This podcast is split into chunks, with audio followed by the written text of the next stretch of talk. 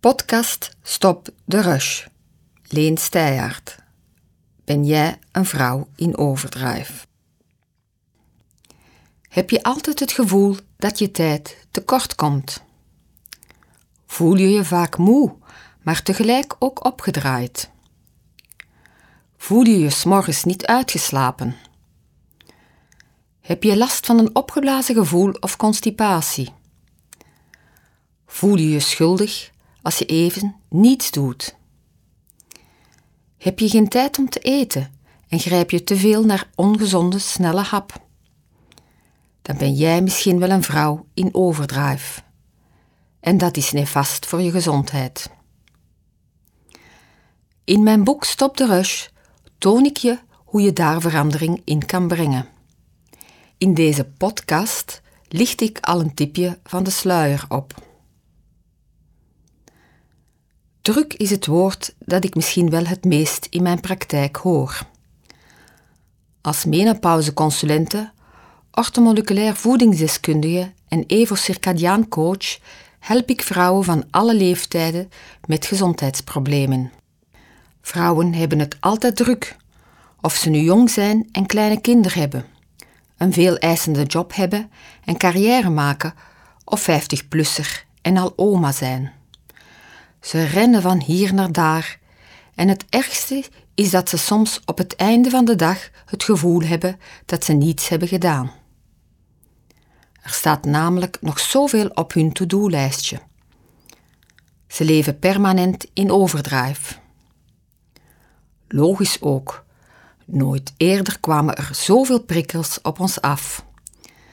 Via onze smartphone en tablet worden we van s morgens tot s avonds laat gebombardeerd met informatie en nieuwsberichten, foto's en berichtjes van familie en vrienden. Dit zorgt ervoor dat heel veel vrouwen dan ook opgedraaid en constant moe zijn. Ze voelen zich fitloos en opgeblazen. Ze zijn geconstipeerd of hebben op een andere manier last van hun darmen. Hun huid is vaal en hun haar hangt slap. Hun menstruatie is problematisch en hun menopauze een hel. Daarnaast is hun libido tot onder nul gezakt. Ze hebben het gevoel dat ze op de loop zijn en hun leven voorbij zien vliegen. Ze hebben het idee dat ze nergens tijd voor hebben en alles wat ze doen, doen ze met grote snelheid. Deze vrouwen willen niets missen van al het interessante dat het leven te bieden heeft. En daarnaast willen ze ook nog een hoop verplichtingen vervullen die van hen verwacht worden. En dat heeft zo zijn gevolgen. Nooit eerder bleven zoveel vrouwen langdurig thuis met een burn-out of een depressie. Nooit voorheen sukkelden zoveel vrouwen met angststoornissen, alcoholproblemen, maag- en darmklachten, met onverklaarbare gewichtstoename, schildklierproblemen, libidoverlies en een verminderde vruchtbaarheid. Vrouwen hebben dan misschien wel een hogere levensverwachting dan mannen, maar vrouwen krijgen ook veel meer te maken met allerlei chronische ziekten waar mannen minder last van hebben. Naast het feit dat vrouwen steeds vaker getroffen worden door aandoeningen of kanker van hun baarmoeder, eierstokken en borsten, komen artrose, botontkalking, het chronische vermoeidheidssyndroom, hersenbloedingen, Alzheimer en Parkinson zelfs op jonge leeftijd opmerkelijk meer voor bij vrouwen dan bij mannen. Daarnaast stijgt het aantal jonge vrouwen dat moeite heeft om zwanger te worden. Het zijn voornamelijk vrouwen die medicijnen nemen tegen slapeloosheid en depressie. Ook vrouwen boven de 40 krijgen steeds vaker te maken met allerlei lichamelijke en psychische klachten, die al te gemakkelijk op een hoop gegooid worden als menopauzeklachten. Wat onschuldig begint in de vorm van slaapproblemen of maaglast, kan bij langdurige stress leiden tot ernstige gezondheidsproblemen, die allemaal het gevolg zijn van een grondige verstoring van de werking van je hormonen. Daar kom ik straks nog even op terug. Eerst gaan we samen eens na hoe gejaagd jij door het leven gaat. Er zijn veel kenmerken die vrouwen in overdrive typeren. Uiteraard zijn ze altijd gehaast en voelen ze zich rusteloos. Belangrijk om in het achterhoofd te houden is dat niet alle rusteloze vrouwen alle kenmerken vertonen, maar in het volgend lijstje zal je toch een aantal veel voorkomende signalen herkennen. Denk eens na bij de volgende kenmerken, of ze ook van toepassing zijn op jezelf. Je to-do-lijstje raakt bijvoorbeeld nooit helemaal afgevinkt en je hebt constant het gevoel dat je achter de feiten aanloopt. Je hebt s morgens koffie nodig om wakker te worden of om een grote boodschap te doen. Overdag heb je koffietjes nodig om energie te tanken en om te kunnen focussen. Je hebt vaak het gevoel dat je de controle aan het verliezen bent. Je korte termijn geheugen laat het soms afweten. Daarnaast voel je je vaak moe, maar tegelijkertijd opgedraaid. Je kunt moeilijk gaan zitten en niets doen. En als je dat wel doet, voel je je schuldig. Vaak ben je ook s'avonds laat nog bezig met allerlei taken die je anders niet gedaan krijgt. Je bent prikkelbaar, ongeduldig en snauwt de mensen in je naaste omgeving af. Je hebt soms geen tijd om te eten en dan eet je niet. Of je grijpt naar een ongezonde snelle hap of je eet veel te veel. Je hebt darm- en of maagproblemen. Denk aan een opgeblazen gevoel, constipatie, maagpijn, krampen of spastische darmen. In de late namiddag snak je naar een glaasje wijn en je hebt het gevoel dat je dagelijkse wijntjes je enige ontspanningsmomenten zijn. Je voelt je niet op je gemak als je smartphone niet bij de hand hebt. Je checkt om de haverklap op de meest onmogelijke momenten en plaatsen of je geen berichtjes en mails hebt gemist, zelfs in de auto en de badkamer. Ook tijdens je vakanties kun je niet echt ontspannen. Ook dan wil je altijd bezig zijn. Of je dwingt jezelf te vergeefs om te relaxen. Eenmaal thuis voel je je nog altijd moe. Je ademhaling is snel en oppervlakkig. Of je ligt s'nachts soms te piekeren omdat je zoveel te doen hebt. Of je bedenkt een planning om het allemaal gedaan te krijgen. Vanaf het eerste moment dat je opstaat, denk je al aan alles wat je te doen hebt. Er zijn een aantal of veel dingen van dit lijstje van toepassing op jezelf. Dan leef je zonder twijfel in overdrive. Misschien vond je dit tot nu toe normaal omdat je nooit anders hebt gekend, of omdat de meeste andere vrouwen die je kent hier ook over klagen. Bij het opstellen van dit lijstje moest ik de hele tijd glimlachen, omdat ik mijn vroegere zelf herken. Ik liep mezelf jarenlang voorbij, maar besefte het niet. Ik dreef op adrenaline en dat gaf me de kracht om steeds door te gaan. Of ik nu twee dingen op een dag te doen had, of honderd, ik zette er altijd spoed achter. En het liefst van al had ik nog wat tijdsdruk. Ik vond het echt heerlijk om het druk te hebben. Ik ging ervan uit dat dit allemaal normaal was en handelde ernaar. Maar deze rush had negatieve gevolgen op mijn lichaam. En de kans is groot dat dit ook het geval zal zijn bij jou. Als je je helemaal kon vinden in het eerder genoemde lijstje en je zou je klinisch laten onderzoeken en een bloed- en urineonderzoek laten doen, is de kans groot dat er een aantal aandoeningen aan het licht zouden komen. Dat kunnen ook een aantal signalen zijn die duidelijk maken dat je een risico loopt op een aantal typische ziekten en aandoeningen die vrouwen krijgen als ze langdurig in overdrijf gaan. Ik geef maar een aantal voorbeelden wat dat er mis kan zijn. Een te hoog peil van je stresshormonen, adrenaline en cortisol. Een laag progesteronpeil en te veel oestrogeen in verhouding tot progesteron. Pijnlijke, moeilijke, onregelmatige maandstonden als gevolg van progesterontekort. Premenstrueel syndroom, beter bekend in de volksmond als PMS PCOS of eierstokkisten. Veel menopauzeklachten. Schildklierproblemen zoals een overactieve of te weinig actieve schildklier, wat op zijn beurt weer gewichtsproblemen en vermoeidheid veroorzaakt. Een te hoog adrenalinepeil. Bijnieruitputting met chronische vermoeidheid als gevolg. Een tekort aan DHEA en groeihormoon. Insulineresistentie met verhoogde kans op suikerziekte. Of een te laag peil van je slaaphormoon melatonine.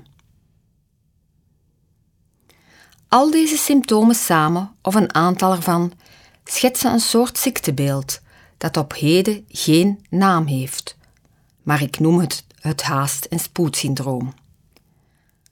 Dat syndroom wordt veroorzaakt door een verschuiving van een aantal hormonen. Van een aantal van deze hormonen ontstaan tekorten, van andere een overproductie. En dan is het evenwicht volledig zoek.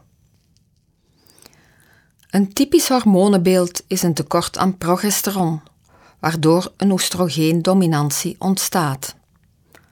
Hierdoor gaat de schildklier minder goed werken, waardoor je moe wordt en je gewicht toeneemt.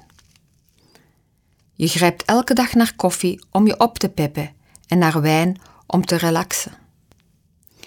Je leven raakt overbelast, waardoor je vermoeidheid nog meer toeneemt. Je bent emotioneel verward en het leven lijkt één grote chaos. Samenvatten: het lijkt alsof je in een neerwaartse spiraal terechtkomt. Om uit deze spiraal te komen, want dat is zeker mogelijk, moet je de gejaagdheid doen verdwijnen. Maar je leven zelf weer in handen nemen en de gejaagdheid doen verdwijnen is geen evidente opgave. De weg naar innerlijke rust is lang en niet altijd even gemakkelijk. In mijn boek Stop de Rush neem ik je bij de hand en reik ik je adviezen en inzichten aan die je helpen om rustiger door het leven te gaan. Soms gaat het over iets heel eenvoudig. Leren nee zeggen, bijvoorbeeld. Ik hoor het bijna elke week in mijn praktijk. Ik vind het zo moeilijk om nee te zeggen. Je hoeft je niet schuldig te voelen als je anderen iets weigert en iets helemaal voor jezelf doet. Veel vrouwen hebben zich de zorg voor anderen zo eigen gemaakt dat ze zich ongemakkelijk voelen als ze iets helemaal voor zichzelf doen. De onderliggende gedachte is steeds iemand een dienst weigeren om in de plaats daarvan een beetje prettige tijd voor jezelf te maken.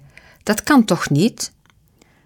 Terwijl nee zeggen als iemand aanspraak maakt op jouw tijd niet wil zeggen dat je je tegen die persoon keert. Je keert je gewoon naar jezelf en dat heeft niets met egoïsme te maken. Vergeet niet dat je niet alleen in functie van anderen leeft. Doe eens een kleine oefening met mij. Ga eens gedurende een week na hoe vaak je op vragen van anderen nee wilt zeggen, maar toch ja antwoordt. Gewoon omdat je geen discussie of ruzie wilt, omdat je anderen wilt behagen of omdat je in het verleden ook altijd ja hebt gezegd. Misschien zegt je ja omdat je wilt dat mensen je graag zien. Je gaat ervan uit dat ze denken dat jij niet meer van hen houdt als je nee zegt, dat zij jou dan niet graag meer zullen zien of dat je er anders misschien niet meer bij hoort. In feite is dit te gek voor woorden. Kijk eens naar jezelf en denk aan de situaties waarin je ja hebt gezegd, terwijl je eigenlijk nee wilde zeggen. En ga na in hoeverre je je aanvaard, geliefd, geapprecieerd of goedgekeurd wilde voelen door de personen die je iets vroeg. En zelfs als je helemaal niets wordt gevraagd, hoe vaak doe je dingen spontaan omdat je goedkeuring, aanvaarding of liefde wilt? Hiermee wil ik natuurlijk niet zeggen dat het verkeerd is om dingen voor anderen te doen. Daar is op zich niks mis mee, integendeel. Als je veel geeft, ontvang je ook veel. Maar als je niet weet waarom je niet nee kunt zeggen, als je je altijd afvraagt waarom je dingen doet die je eigenlijk helemaal niet wilt doen, als je vaak het gevoel hebt dat anderen je misbruiken of dat ze niet appreciëren wat je allemaal voor hen doet, als dit je eerder ongelukkig dan gelukkig maakt, is het goed dat je even stilstaat bij de reden waarom je altijd klaarstaat voor anderen. Naast deze oefeningen gaan we in mijn boek niet alleen samen mentaal aan de slag, maar ik toon je ook het belang van gezonde voeding voor een stressvrij leven. Continu opgejaagd zijn is, zoals je nu al hebt begrepen, nefast voor je gezondheid, maar ook voor je slanke lijn.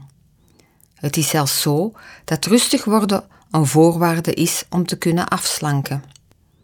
De bewering dat ieder pondje door het mondje gaat, geldt niet voor iedereen. Vrouwen die al jaren vechten tegen de overtollige kilo's en zichzelf vruchtloos op tal van onmenselijke diëten zetten en aan sport doen, hebben het niet gemakkelijk.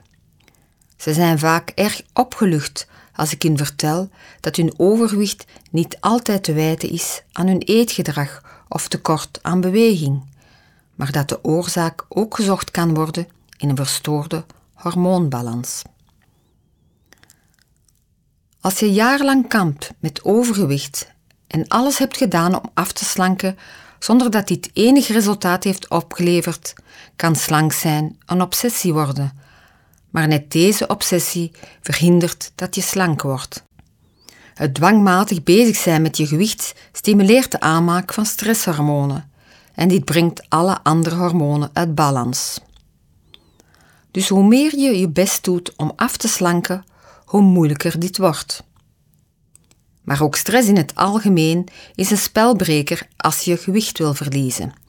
Stress verstoort immers het hormoonsysteem en dan ben je meer geneigd om te snakken en te snoepen.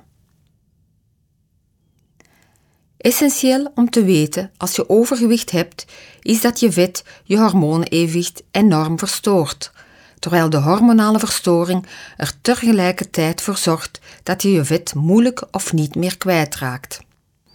Je geaardheid is een van de belangrijkste oorzaken waarom je je gewicht niet onder controle kunt houden, ook al eet je normaal of zelfs weinig. De meeste mensen denken dat ze moeten afslanken om gezond te kunnen zijn. Het omgekeerde is echter waar. Om te kunnen afvallen moet je eerst gezond worden. Een van de allerbelangrijkste factoren van gezondheid is innerlijke rust, met een zenuwstelsel dat in balans is. Daarnaast wil je bewegen als je gezond bent. Niet willen bewegen is een signaal dat er iets mis is. Als je gezond bent, heb je geen behoefte aan zoet en vet eten en heb je geen last van cravings. Zwaarlijvige mensen slagen er niet in om af te slanken omdat er een proces in hun lichaam bezig is dat smeekt om zoveel mogelijk suiker- en vetrijk voedsel. Hun immuunsysteem en hersenen hebben extra brandstof nodig. En als je lichaam brandstof nodig heeft, ga je instinctief op zoek naar voedsel dat je zo snel mogelijk energie geeft. Dit betekent dat je grijpt naar snelle suikers en vette voeding. Die nood naar brandstof zorgt er ook voor dat je zeker geen energie gaat verspillen door meer te bewegen dan nodig is. Jezelf forceren en ondanks alles toch gaan sporten en met de nooit geziene wilskracht het zoveelste afslankingsdieet volgen, werkt averechts en is dus geen optie. Wat kun je dan wel doen? Het belangrijkste wat je kunt doen is je voedingspatroon blijvend aanpassen, zodat je gezond wordt. Als je dit enkele weken doet, zal je drang naar ongezonde voeding afnemen en ook je aversie van beweging zal verminderen. Ga vooral rustig bewegen. Dagelijks twee keer een half uurtje wandelen is een goed begin. Wanneer je zin krijgt in meer beweging, ben je op de goede weg. Na een paar weken zullen de ontstekingen in je lichaam als gevolg van jarenlang te veel suikers en vetten eten verdwijnen en je immuunsysteem kan het rustiger aandoen. Voor de overgrote meerderheid van de mensen met overgewicht, die jarenlang een hopeloos en vruchteloos gevecht leverden tegen de kilo's, is de overschakeling op een gezond voedingspatroon met zoveel mogelijk authentieke voeding, waar ik straks kort op terugkom, voldoende om weer een gezond gewicht te krijgen. En wat valt er dan precies onder gezond voedingspatroon? Ongezonde voeding bestaat niet wel een ongezond eetpatroon. Ik ben voorstander van de 80-20-norm, wat wil zeggen voor 80% authentieke voeding gebruiken en voor 20% wat toegeeflijker zijn. Ik ben de eerste om toe te geven dat het in deze samenleving erg moeilijk is om voor altijd en overal voor 100% gezond te gaan. In het weekend kun je bijvoorbeeld al eens zondigen op voorwaarde dat je tijdens de week het authentieke voedingspatroon volgt. Het is beter om op één dag enkel minder gezonde dingen te eten dan alle dagen een beetje af te wijken van je gezonde voedingspatroon. In mijn boek pleit ik vooral voor zoveel mogelijk authentieke voeding. Authentieke voeding bevat zeer weinig gluten, suiker, zuivel, pindas, soja en beperkt een aantal planten van de familie van de nachtschade, zoals aardappels, paprika, tomaat en aubergine. Dit zijn niet toevallig precies de voedingsproducten waarvoor veel mensen allergisch zijn of een intolerantie ontwikkelen. Ze zijn namelijk van nature niet geschikt om door ons gegeten te worden. Mensen die overstappen naar authentieke voeding zien in veel gevallen dat hun allergieën astma en andere aandoeningen vanzelf verdwijnen of sterk verbeteren. Op basis van 25 jaar ervaring met vrouwen en hun afslankproblemen die alles al gedaan hebben en er niet in slagen om af te slanken, heb ik zelf een kuur ontwikkeld waardoor vrouwen op een degelijke manier echt hun vetweefsel kunnen verbranden zonder aan spiermassa in te boeden.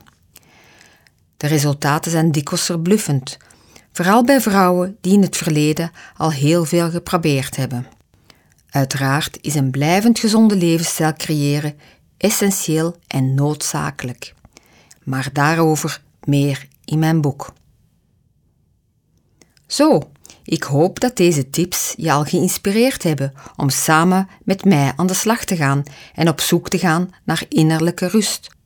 Ofwel, stop de rush.